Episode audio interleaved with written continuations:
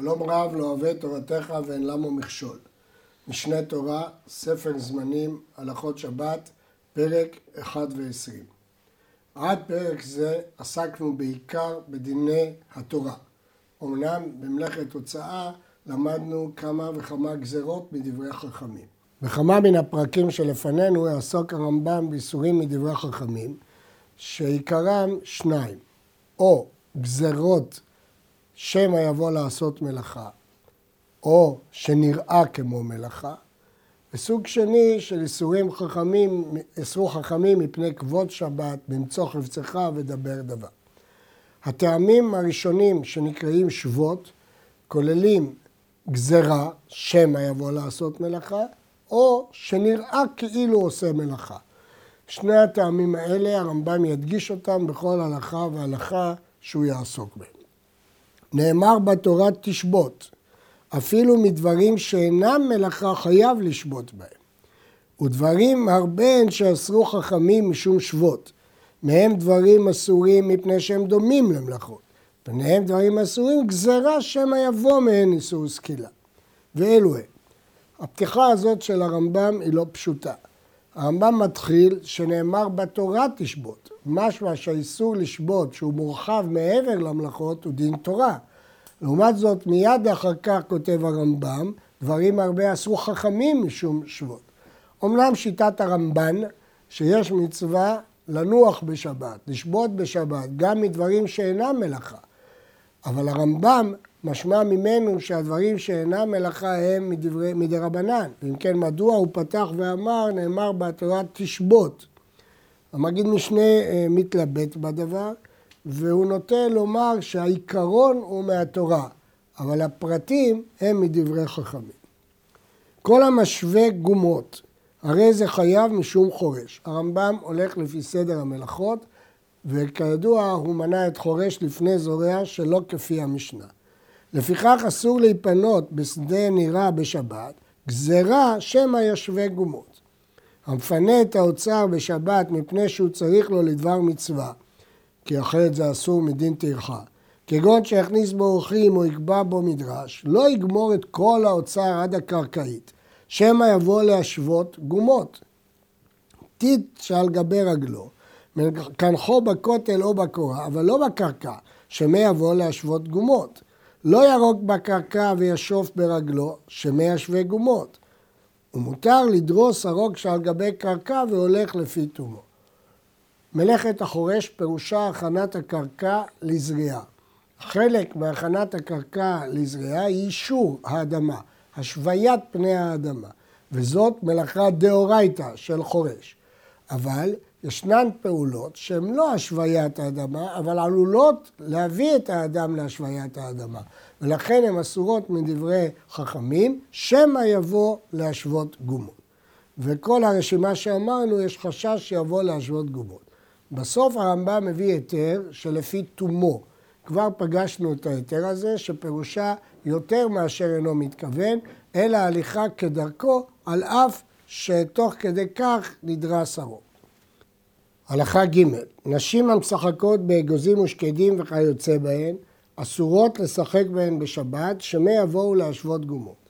ואסור לכבד את הקרקע, שמא ישווה גומות, אלא אם כן היה רצוף באבנים. מותר לזלף מים על גבי הקרקע, ואינו חושש שמא ישווה גומות, שהרי אינו מתכוון לכך. אין צריכים את הקרקע ואפילו היה רצוף באבנים, ואין הופכים אותו, ואין מדיחים אותו אפילו ביום טוב, כל שכן בשבת, שלא יעשה כדרך שהוא עושה בחול, ויבוא להשוות גומות בזמן שהוא עושה כן במקום שאינו רצוף. ההלכה שאומר הרמב"ם מתחלקת לשניים. כיבוד וזילוף. לגבי כיבוד, כותב הרמב"ם שאסור שמא ישווה גובות, חוץ ממצב שהבית מרוצף באבנים, שאז אין בעיה של השוויית גומות וכיבוד מותר. לגבי זילוף מים וריבוץ, פה הרמב"ם מתיר אפילו על גבי קרקע, ואינו חושש שמא ישווה גומות, כי הוא איננו מתכוון. ברור שהרמב"ם חילק בין הנושא של כיבוד לנושא של זילוף מים וריבוץ. מדוע? מה טעם החילוק? החילוק הוא פשוט. כיבוד, הוא מתכוון להשוות את הקרקע, זה חלק ממלאכת הכיבוד. מה שאין כן ריבוץ, הוא מתכוון להשקיע את האבק, אין כוונתו בכלל ליישר את הקרקע. לכן לגבי כיבוד לא שייך אינו מתכוון, כי הוא מתכוון, ולכן ההיתר הוא רק בקרקע מרוצפת. מה שאין כן בזילוף מים וריבוץ, ששם הוא לא מתכוון כלל להשוות את הקרקע, אז לכן להלכה זה מותר, כי אנחנו פוסקים כרבי שמעון בכל דבר שאיננו פסיק רשע, שמותר לכתחילה. זאת שיטת הרמב"ם. הדין הזה תלוי בלימוד הגמרא. הגמרא מביאה את ההיתרים של כיבוד בקרקע מרוצפת ושל ריבוץ, ולבסוף היא כותבת שבימינו מותר כי פוסקים כרבי שמעון.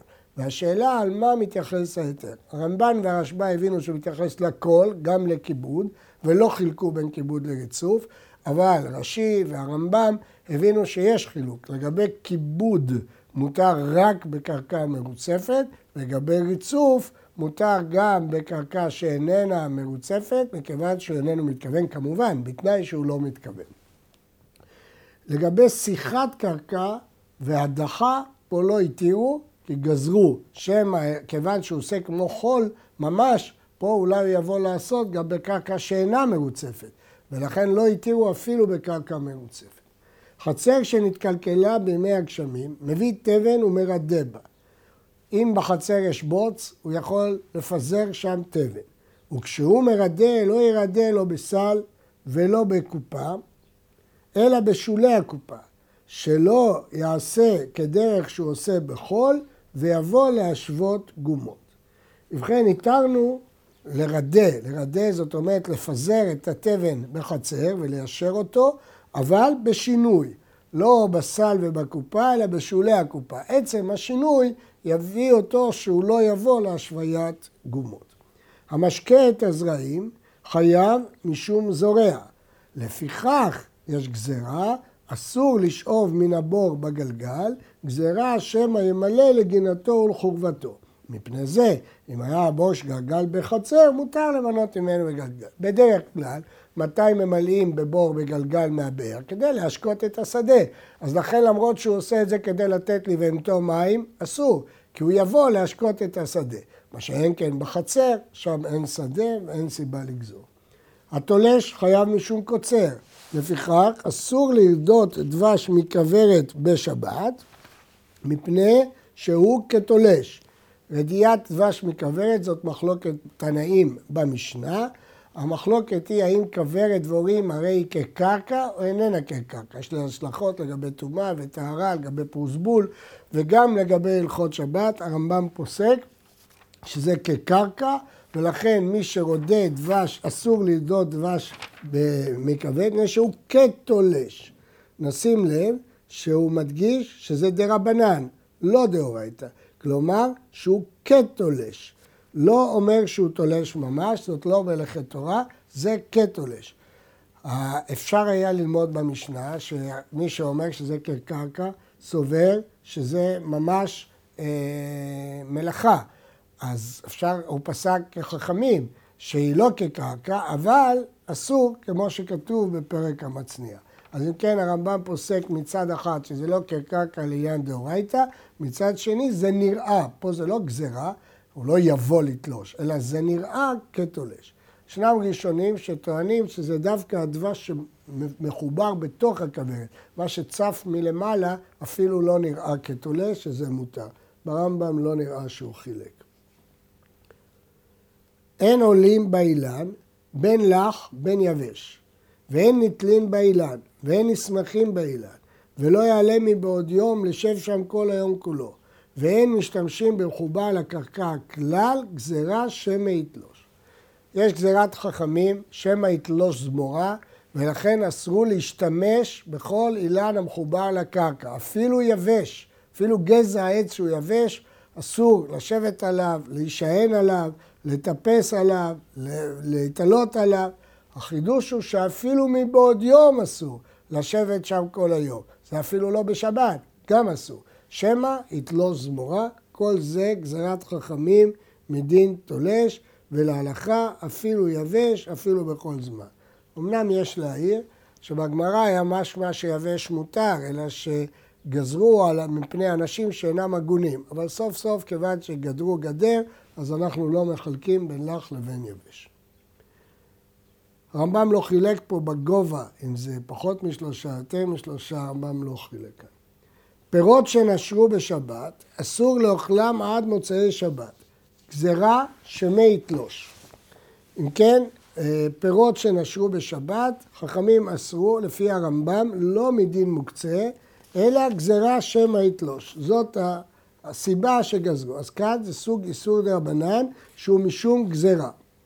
הדס המחובר, מותר להריח בו, שאין הנייתו אלא להריח בו, והרי ריחו מצוי. אבל אתרוג ותפוח וכל הראוי לאכילה, אסור להריח בו במחובר. גזירה שמי יקוץ אותו לאוכלו.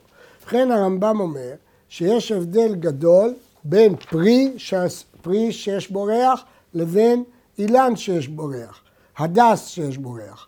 הדס שיש בו ריח מותר להריח בו. מדוע? כי אין מה לעשות בו חוץ מריח, רק להריח. אז הוא יכול להריח כשהוא מחובר. מה שאין כן אתרוג ותפוח, שהם ראויים לאכילה. יש חשש שאם נתיר לו להריח, הוא יבוא לאוכלו. ולכן אנחנו אוסרים עליו גם להריח, שמא יבוא לאוכלו.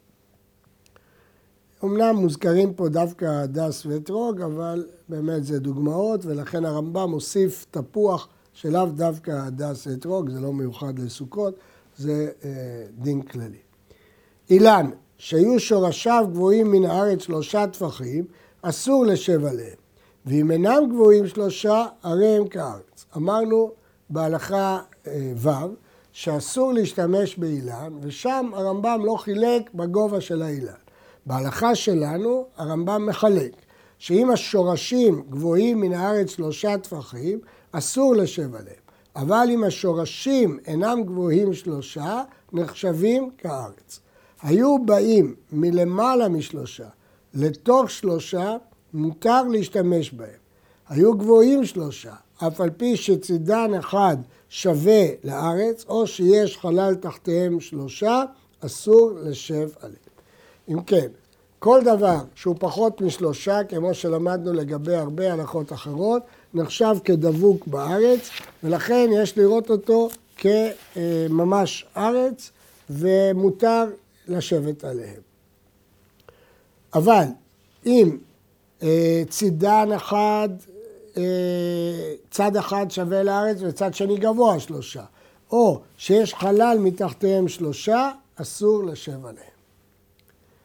אין רוכבים על גבי בהמה בשבת. גזרה, שמא יחתוך זמורה להנהיגה. ואין נתלים בבהמה, ולא יעלה מבעוד יום לשב עליה בשבת. ואין נסמכים לצידי בהמה. ובכן הדין של בהמה ושל אילן שווה. כמו שבאילן גזרו שמא יתלוש זמורה, כך בבהמה גזרו שמא יחתוך זמורה להנהיגה. ולכן לא רוכבים, לא נתלים, לא נשענים. עכשיו מופיע הדין. אין נסמכים לצידי בהמה. הדין הזה הוא גם באילן. לא רק האילן עצמו אסור, אלא גם צדדיו. וצידי צדדים מותרים. אמנם הרמב"ם כותב את הדין של צידי צדדים בבהמה, אבל הדין של צידי צדדים הוא גם באילן. מה פירוש צידי צדדים? נניח שהוא יתקע יתד באילן, ויניח דבר, יתלה משהו על היתד, זה נקרא צידי צדדים, כי הוא לא נשען בצד של האילן, אלא בצידי צדדיו. עלה באילן, בשבת, בשוגר מותר לרד. במזיד אסור לרד. הגמרא מביאה סתירה בין שתי ברייתות, האם עלה באילן ירד או לא ירד, ומביאה תירוצים שונים, חילוק בין שוגג למזיד, חילוק בין שבת למבעוד יום. מלשון הרמב"ם כאן נראה שהוא פוסק את החילוק בין שבת לבין מבעוד יום. כלומר, שאם העלייה מבעוד יום מותר, ואם העלייה בשבת אסור. כך נראה מלשון הרמב"ם. אה, אבל אה, נסתכל שהוא מוסיף את המילה בשוגג. משמע שגם בשבת הוא דורש בשוגג, כלומר הוא פוסק את שני התירוצים יחדיו, שעלה באילן בשבת בשוגג מותר לרד, במזיד אסור לרד. אז השאלה האם הוא פוסק את החילוק בין שוגג למזיד, מדוע הוא מוסיף את המילה בשבת? היה צריך לומר, עלה באילן בשוגג מותר לרד, במזיד אסור לרד. אז מהמילה בשבת משמע שהוא פוסק את החילוק בין בעוד יום לשבת. מהמילה שוגג ומזיד משמע שהוא פוסק את החילוק בין שוגג למזיד. אומר המגיד משנה, כנראה הוא פוסק את שני החילוקים יחדיו, ולכן רק אם הוא עלה בשבת במזיד, רק אז אסור לרד. אבל בעוד יום, בכל יום, בכל מקרה מותר לרד, ובשוגג בכל מקרה מותר לרד. דווקא אדם מותר לרד. אומר המגיד משנה, אם ישים חפץ באילן, יהיה אסור, כי רק באדם יתירו משום צער. ובבהמה, אפילו במזיד ירד משום צער בעלי חיים. אם כן, אה, כדי לא לצייר את הבהמה, התירו שאדם ירד. מכאן הרמב"ם מסיק מסקנות שנובעות מדין צער בעלי חיים. וכן פורקים המסוי מעל הבהמה בשבת משום צער בעלי חיים. כלומר, אפילו דברים שאסורים בטלטול, חכמים הקלו. עכשיו נראה כיצד הקלו. כיצד? הייתה בהמתו תאונה שליף של תבואה. מכניס ראשו תחתיו ומסלקו לצד אחד והוא נופל מאליו. לא התירו טלטול בידיים, אבל התירו בצורה מסוימת משום צער בעלי חיים, שיכניס ראשו מצד אחד והוא נופל מאליו. היה בא בדרך, מן הדרך, בליל שבת ובהמתו תאונה, כשיגיע לחצר החיצונה, נוטל את הכלים הניטלים בשבת ושאינם ניטלים, מתיר החבלים והשקים נופלים. שוב, משום צער בעלי חיים, התירו לו להתיר את החבלים והשקים נופלים. היו בשקים דברים המשתברים, ואז הפתרון שהצענו הוא לא פתרון. אם היו שקים קטנים, מביא כרים וקסתות ומניח תחתיהם, והשקים נופלים על הכרים. ואם תאמר, הרי הוא מבטל כלי מהיכנו, לא, הוא לא מבטל כלי מהיכנו. שהרי אם ירצה לשלוף הקר, שולף, מפני ששקים קטנים וקלים, ונמצא שלא בטל הכלי מהיכנו. הייתה תאונה ששויות של זכוכית. אם כן, כאן כל הפתרונות שאמרנו קודם לא יכולים להועיל. מתיר עסקים והם נופלים. שאף על פי שיישברו, אין בכך הפסד גדול. שהיה כל להתכה עומד ולהפסד מועט לא חששו. למרות שלכאורה כל הפתרונות לא מועילים, לא התירו לו פתרון אחר, כי ההפסד הוא לא גדול. יישברו ויהיו לו חתיכות זכוכית לשימוש. אבל היו עסקים גדולים ומלאים כלי זכוכית וכיוצא בהם, שכאן אם יישברו אין להם תקנה, פורקם בנחת. בגלל צער בעלי חיים, בצירוף החשש שהכלים יישברו, התירו לו לטלטל אותם כרגיל. ומכל מקום, בשום מקרה לא יניחם שם על גבי בהמה משום צער בעלי חיים. כלומר, הסיבה העיקרית של ההיתר היא צער בעלי חיים. מה שמתירים פה זה את מוקצה, בלי לבטל כלי מהיכנו. התירו לו מוקצה. אם הוא יכול בלי לטלטל בידיים, כן, אבל אם הכלים יישברו, יהיה לו הפסד ממון, התירו גם לטלטל בידיים. המדבק פירות עד שיעשו גוף אחד, חייב משום מהמר. לפיכך, מי שנתפזרו לו פירות בחצרו, מלקט על יד על יד ואוכל, אבל לא ייתן לא לתוך הסל ולא לתוך הקופה כדרך שהוא עושה בחול, שאם יעשה כדרך שהוא עושה בחול, שמייך בשם בידו בתוך הקופה ויבוא לידי הימור. וכן אין מקבצין את המלח וכיוצא בו, מפני שנראה כמהמר. נשים לב לשתי ההלכות הללו. הרמב"ם בהלכות מהמר חידש לנו שתולדת מהמר זה מי שעושה דבלה, כובש כמה תאנים יחד לגוף אחד. זה מהמר, או מי שבחוט אה, לוקח גרוגרות, כפי שלמדנו במלאכת מהמר. לכן לומד הרמב"ם שיש גזרה אפילו לא לאסוף פירות לתוך סל. מדוע? מה זה שייך למהמר? הרי הוא לא יקבץ אותם לגוף אחד. שמא יכבשם, אם זה פירות רכים, יכבוש אותם יחד, ואז זה כן יהיה מהמר. מאיפה לקח את זה הרמב"ם? מגמרא. נתפזרו לו פירות בחצרו, מלקט על יד על יד ואוכל, אבל לא לתוך הסל ולא לתוך הקופה, שלא יעשה כדרך שהוא עושה בחול. אבל ראשונים אחרים חלקו על הרמב"ם ואמרו שהטעם הוא אחר, הטעם משום טרחה, או יש אומרים משום מוקצה, שלא יטלטל צרורות, אבל לא משום מהמר.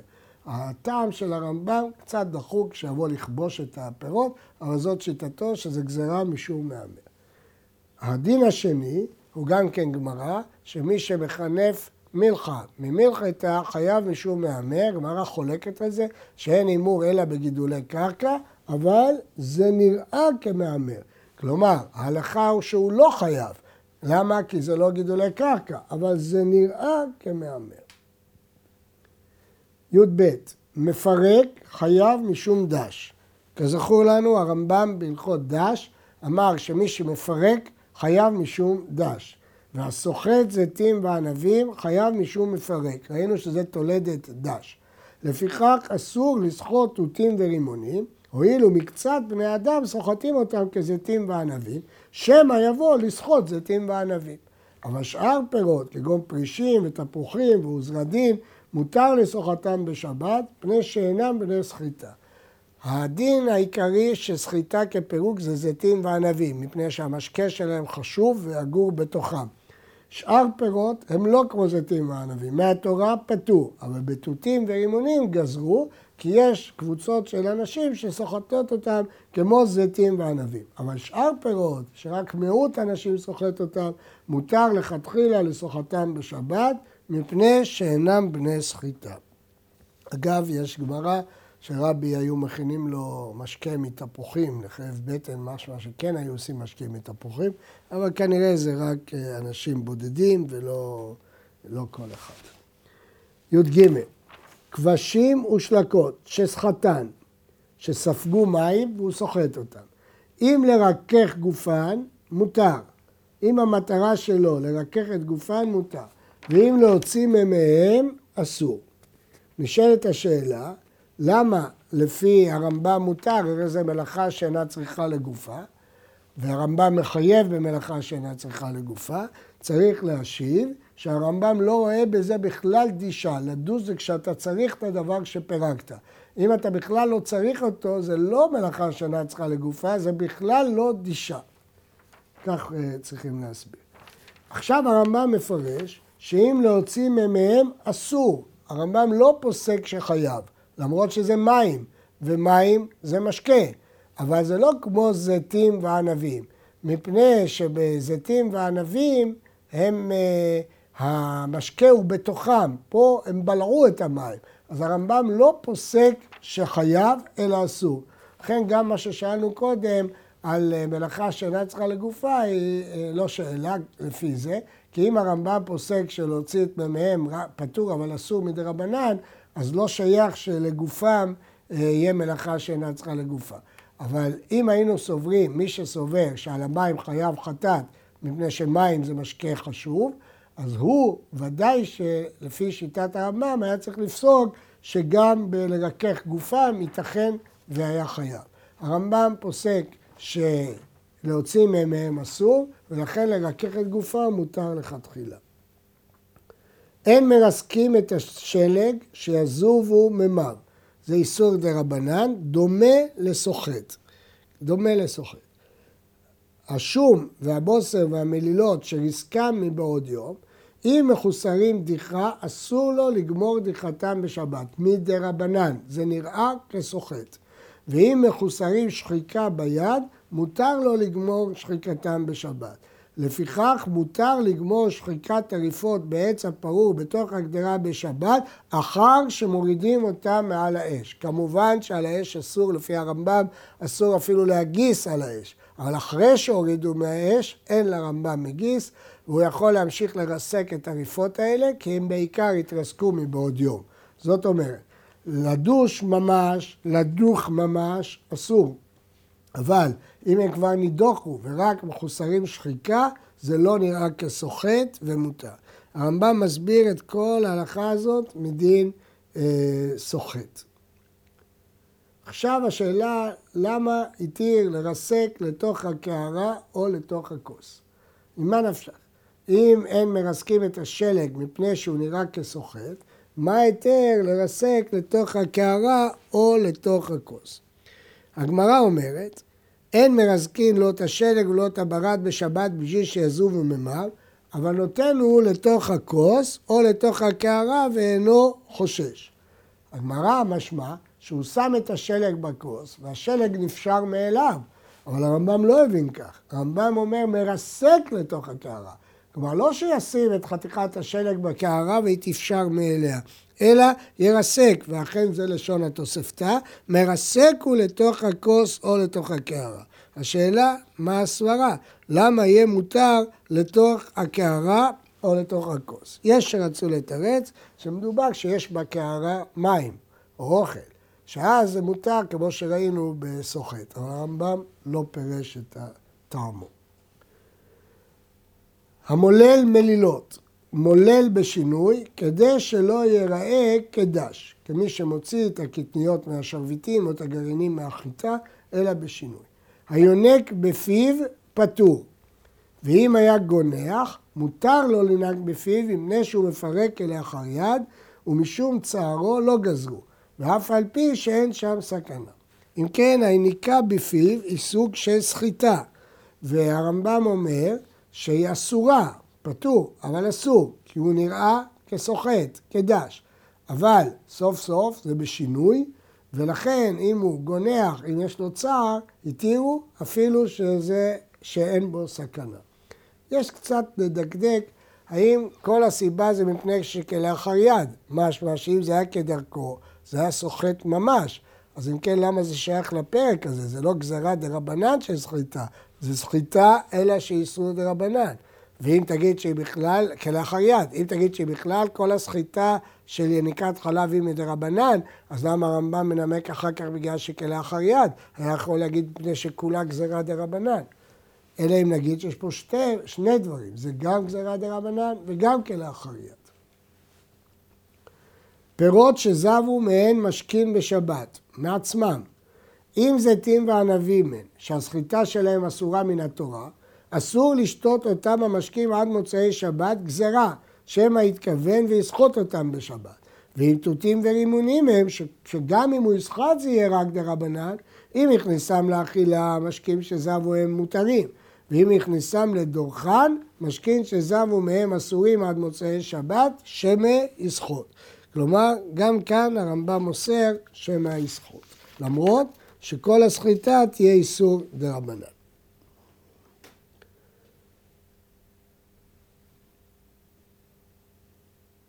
זיתים וענבים, שריסקן מערב שבת, ויצאו מהם משכין מעצמם, מותרים.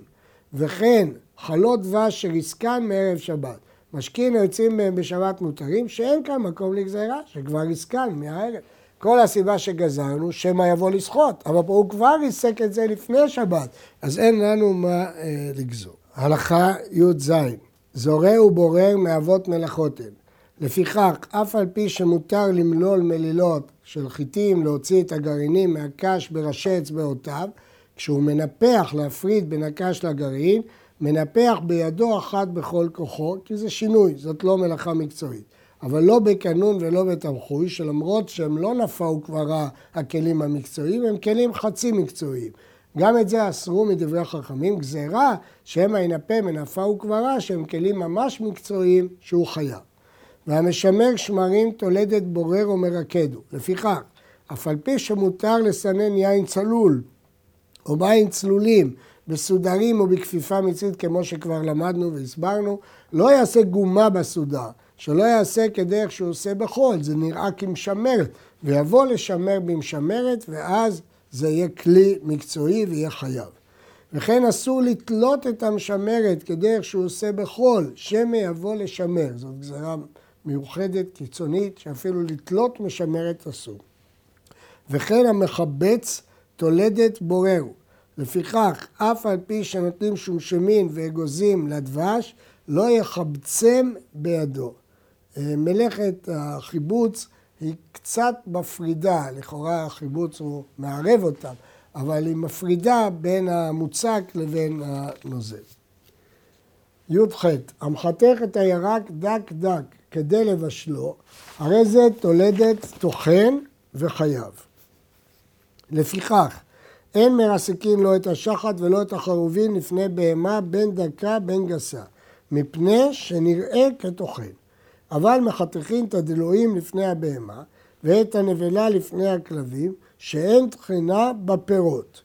ומתירים אלומות של העמיר לפני בהמה ומפספס בידו אלומות קטנות, אבל לא אלומות גדולות מפני הטורח שבהן. הלכה זו קשה היא. המחתך את הירק דק דק כדי לבשלו, הרי זה תולה תוכן. הרמב"ם מדגיש דווקא בירק שהוא מבשל אותו, כמו שבגמרא אספסטה. זה דומה למי שטוחן קמח כדי לאפות אותו. חייב. לפיכך, גזירה דה רבנן, לא לרסק שחת וחרובים לפני בהמה, בין דקה בין גסה, נראה כטוחן. הרמב"ם לא רואה את זה כאיסור טרחה, אלא כגזירה אטו טוחן. אבל מותר לחתך דילויים לפני בהמה ואת ענבנה לפני הכלבים. מדוע? מדוע כאן לא נאסור משום טוחן? מסביר הרמב"ם שאין טחינה בפירות. מה פירוש הביטוי הזה שאין טחינה בפירות? הלשון הזו קשה. היו שתי גרסאות. הייתה גרסה שאין טחינה אלא בפירות, אבל הגרסה הזאת לא מובנת, כי דילויים הם גם פירות. ולכן יש גרסו שאין טחינה בפירות. אבל אז קשה מאוד. מה ההבדל בין דילויים לבין ירק? מה, מדוע בירק יש ופה אין? אם תאמר שזה כדי לבשלו וזה לא לבשלו, הרמב"ם היה צריך להגיד את החילוק הזה. יש שרצו לגרוס שאין תחילה אלא בפירור, רק שזה עושה פירורים דק דק, ודילויים לא חותכים אותם דק דק לפני הבהמה. אבל כל הגרסאות אה, קשות. אה, והמבוכה בהלכה הזו רבה. חבילי שאה ואזוב וקורנית וכיוצא בהם, שהכניסה למאכל בהמה, מסתפק בהם, וקוטם ואוכל בראשי אצבעותיו, אבל לא בידו הרבה, שלא יעשה כדרך שהוא עושה בחול ויבוא לדוק. הוא יכול לאכול מהם קצת קצת אזוב, אבל לא לקחת הרבה, כי הוא יבוא לטחון, כי זה תבלינים שדרך לטחון אותם. ואם נתיר לו לקחת כדרך שהוא לוקח בחול, הוא יבוא לטחון אותם. הצריך לדוג פלפלים וכיוצא בהם, ליתן לתוך המאכל בשבת, הרי זה קוטש ביד הסכין ובקערה, אבל במכתשת חייב מפני שהוא טוחן. אם כן, יש איסור לשחוק. למה? כאילו טוחן. גזירה משום טוחן. לכתוש במכתשת, זאת תולדת טוחן, כמו לחתוך את הירק דק דק, ולכן אסור אה, לכתוש גזרה משום טוחן, אבל מותר בשינוי, ביד הסכין ובקערה. מהי הגזרה שאסורה? שחיקת סממנים. ובגלל שחיקת הסממנים גזרנו על כל ריפוי. דרך התרופות היו אז שהיו שוחקים סממנים.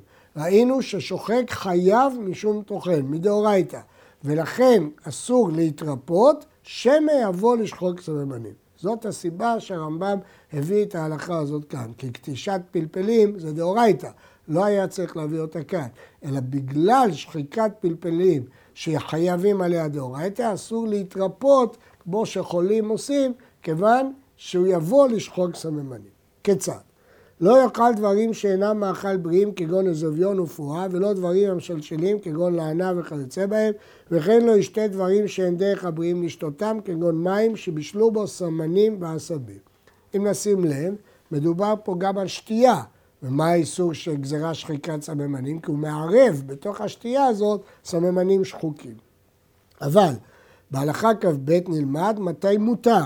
אוכל אדם אוכלים ומשקים שדרך הבריאים לאוכלם ולשתותם, כגון הכוסבר והקשות והאזוב, אף על פי שהם מרפאים, ואכלם כדי להתרפות בהם, מותר, הואיל ואין מאכל בריאים. שתה חלטית מקודם השבת, והרי הוא שותה והולך, מותר לשתותו בשבת במקומות שנהגו הבריאים לשתות החלטית. ושותים זיטוס המצרי בכל מקום. אם כן, כל דבר שדרך גם מהבריאים לאכול אותו, אז לא מוכרח שזה מדין חולי, ולכן מותר למרות שבפועל זה גם מבריא. יש דיונים בימינו לגבי סוגי תוספי מזון וויטמינים, האם לדון אותם כדרך מאכל הבריאים או לדון אותם כדרך התרופות. וכן שמנים שדרך הבריאים לסוך בהם, מותר לסוך בהם בשבת אף על פי שנתכוון לרפואה. ושאין הבריאים שחים בהם, אסורים. ולכן החושש במותניו לא יסוק יין וחומץ, כי הבריאים לא שחים, אבל סחו את השמן, שהבריאים שחים. ולא שמן ורד, אלא ממקום שהבריאים שחים אותו. ומותר לסוך שמן ומלח מכל מקום. נגפה ידו או רגלו, צומתה ביין ואינו צומתה בחומץ. ואם היה ענוג, אף ביין אסור.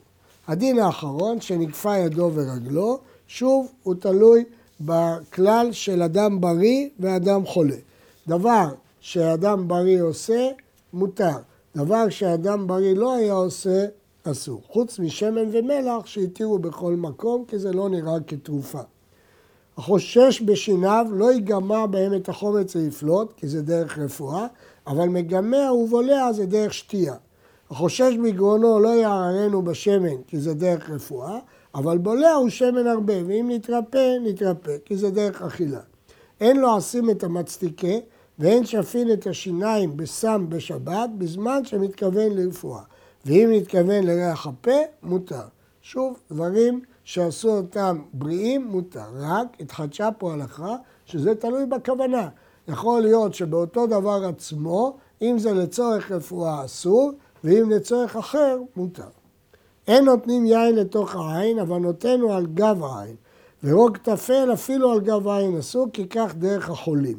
קילוג זה סממן שמרפא את העין, ששרה אותו מערב שבת, מעבירו על גב עיניו בשבת ואינו חושש, כיוון שהוא כבר שרה אותו מערב שבת.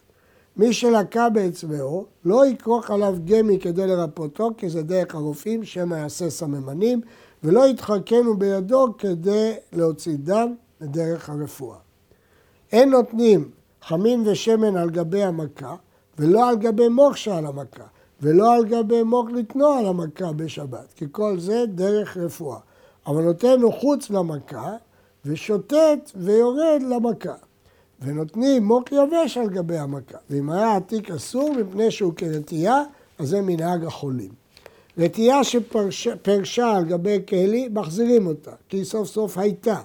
ואם פרשה על גבי קרקע, כאילו כבר נעלמה, אסור להחזירה, כי זה כמו לתת תרופה מחדש. ומניחים רתיעה על גבי המכה לכתחילה במקדש, שאין איסור שבות במקדש, לכן לא גזרו שם משום שחיקת סממנים במקרה הזה.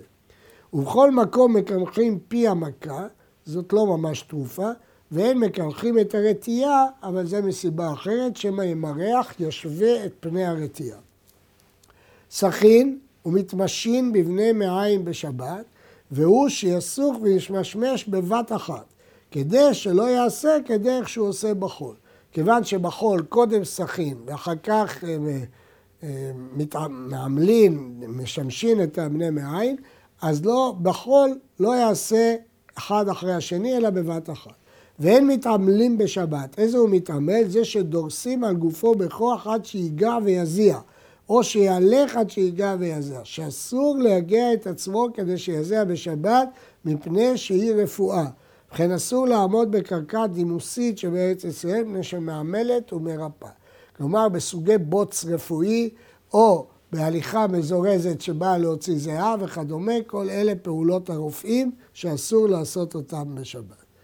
אין רוחצים במים שמשלשלים, ולא בטיט שטובעים בו, ולא במי המשרה הבאושים, ולא בים סדום, ולא במים הרעים שבים הגדול, מפני שכל אלה צער הם, וכתוב וקראת לשבת עונג. לפיכך הם לא נשתמע בהם, עלה מיד, אף על פי שיש לו חטטים בראשו, מותר. כאן למדנו הלכה חדשה, שכל דבר שהוא מצער אותו, אסור לעשות אותו בשבת, ולכן יש חלק מהתרופות האלה שאסורות לא משום שחיקת סממנים, אלא משום שהן מצערות. אין מתגרדין במגרדת, ואם היו ידיו מלוכלכות בצואה או בטיט, גורר כדרכו ואינו חושש. סכין ומפרחין לאדם לאנגו, סוג של מסאז', אבל לא לבהמה. ואם היה לה צער, מותר להסיר צערה בשיחה ופירוח. בהמה שאכלה קרשינים הרבה, מריצים אותה בחצר בשביל שתתרפא. ואם אחזת דם, מעמידים אותה במים בשביל שתצטנן, ואין חוששים שמא ישחק לה סממנים. אין חשש שישחק סממנים לבהמה.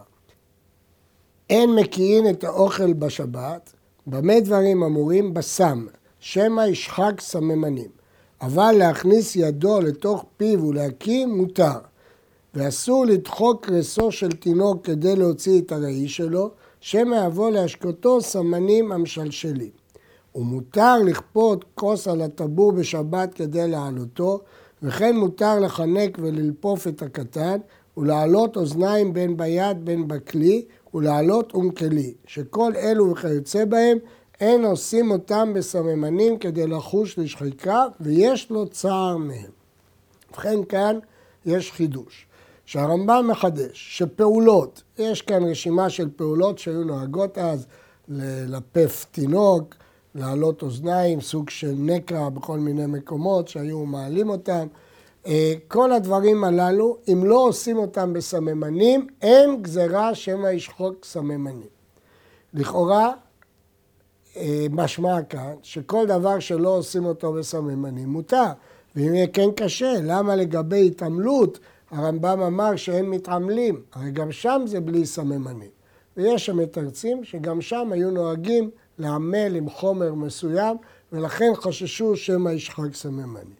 עוד יש להזכיר כאן, שמה שאמרנו שהרמב"ם מתיר להניח רטייה על גבי המכה לכתחילה במקדש, זה לא דבר פשוט, משמע מן הסוגיות שבמקדש התירו רק להחזיר ולא להניח לכתחילה. עד כדי כך שהמגיד רצה לשנות את הגרסה ברמב"ם, אבל זה קשה.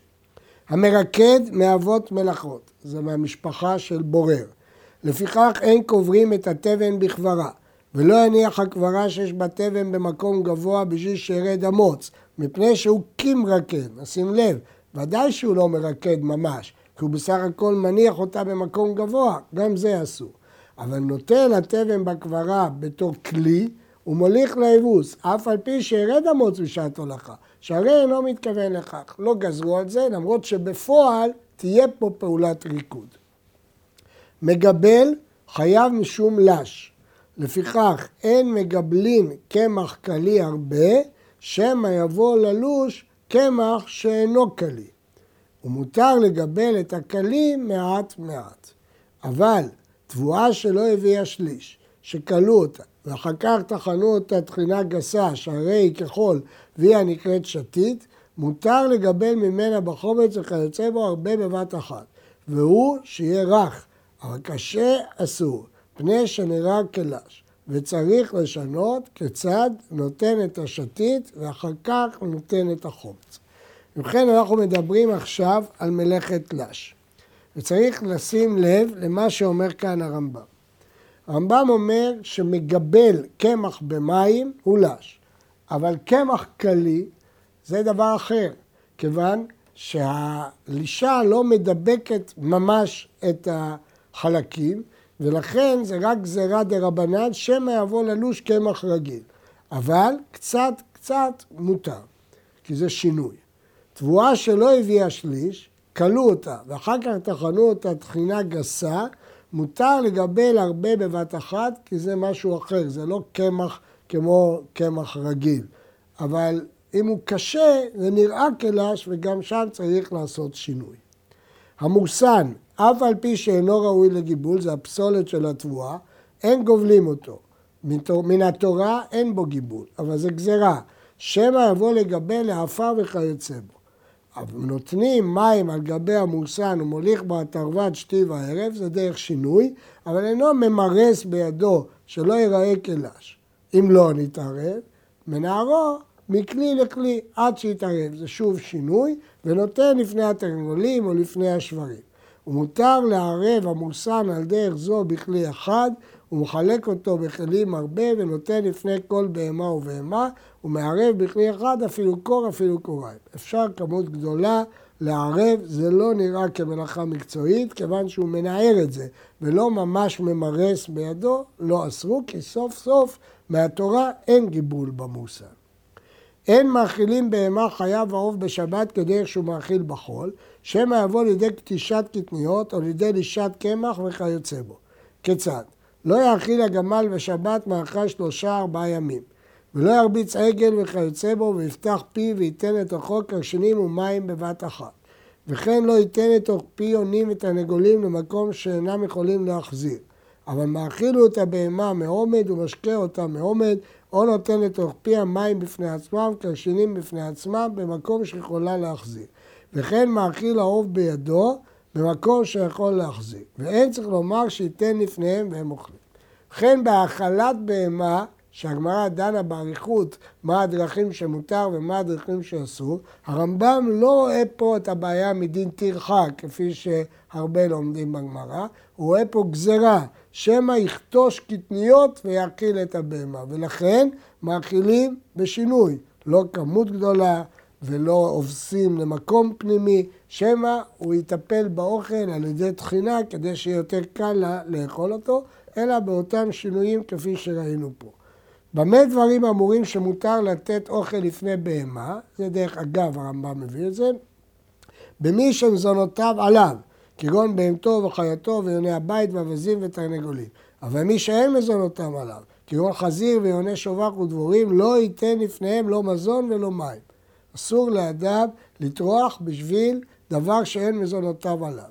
ומותר לאדם להעמיד בהמתו על גבי עשבים והיא אוכלת, אבל לא יעמיד אותה על גבי דבר שהוקצה. ועומד בפניה כדי שתחזיר פניה לדבר מוקצה ותאכל ממנו, כי סוף סוף הוא לא עושה את זה בידיים וכן ביום טוב.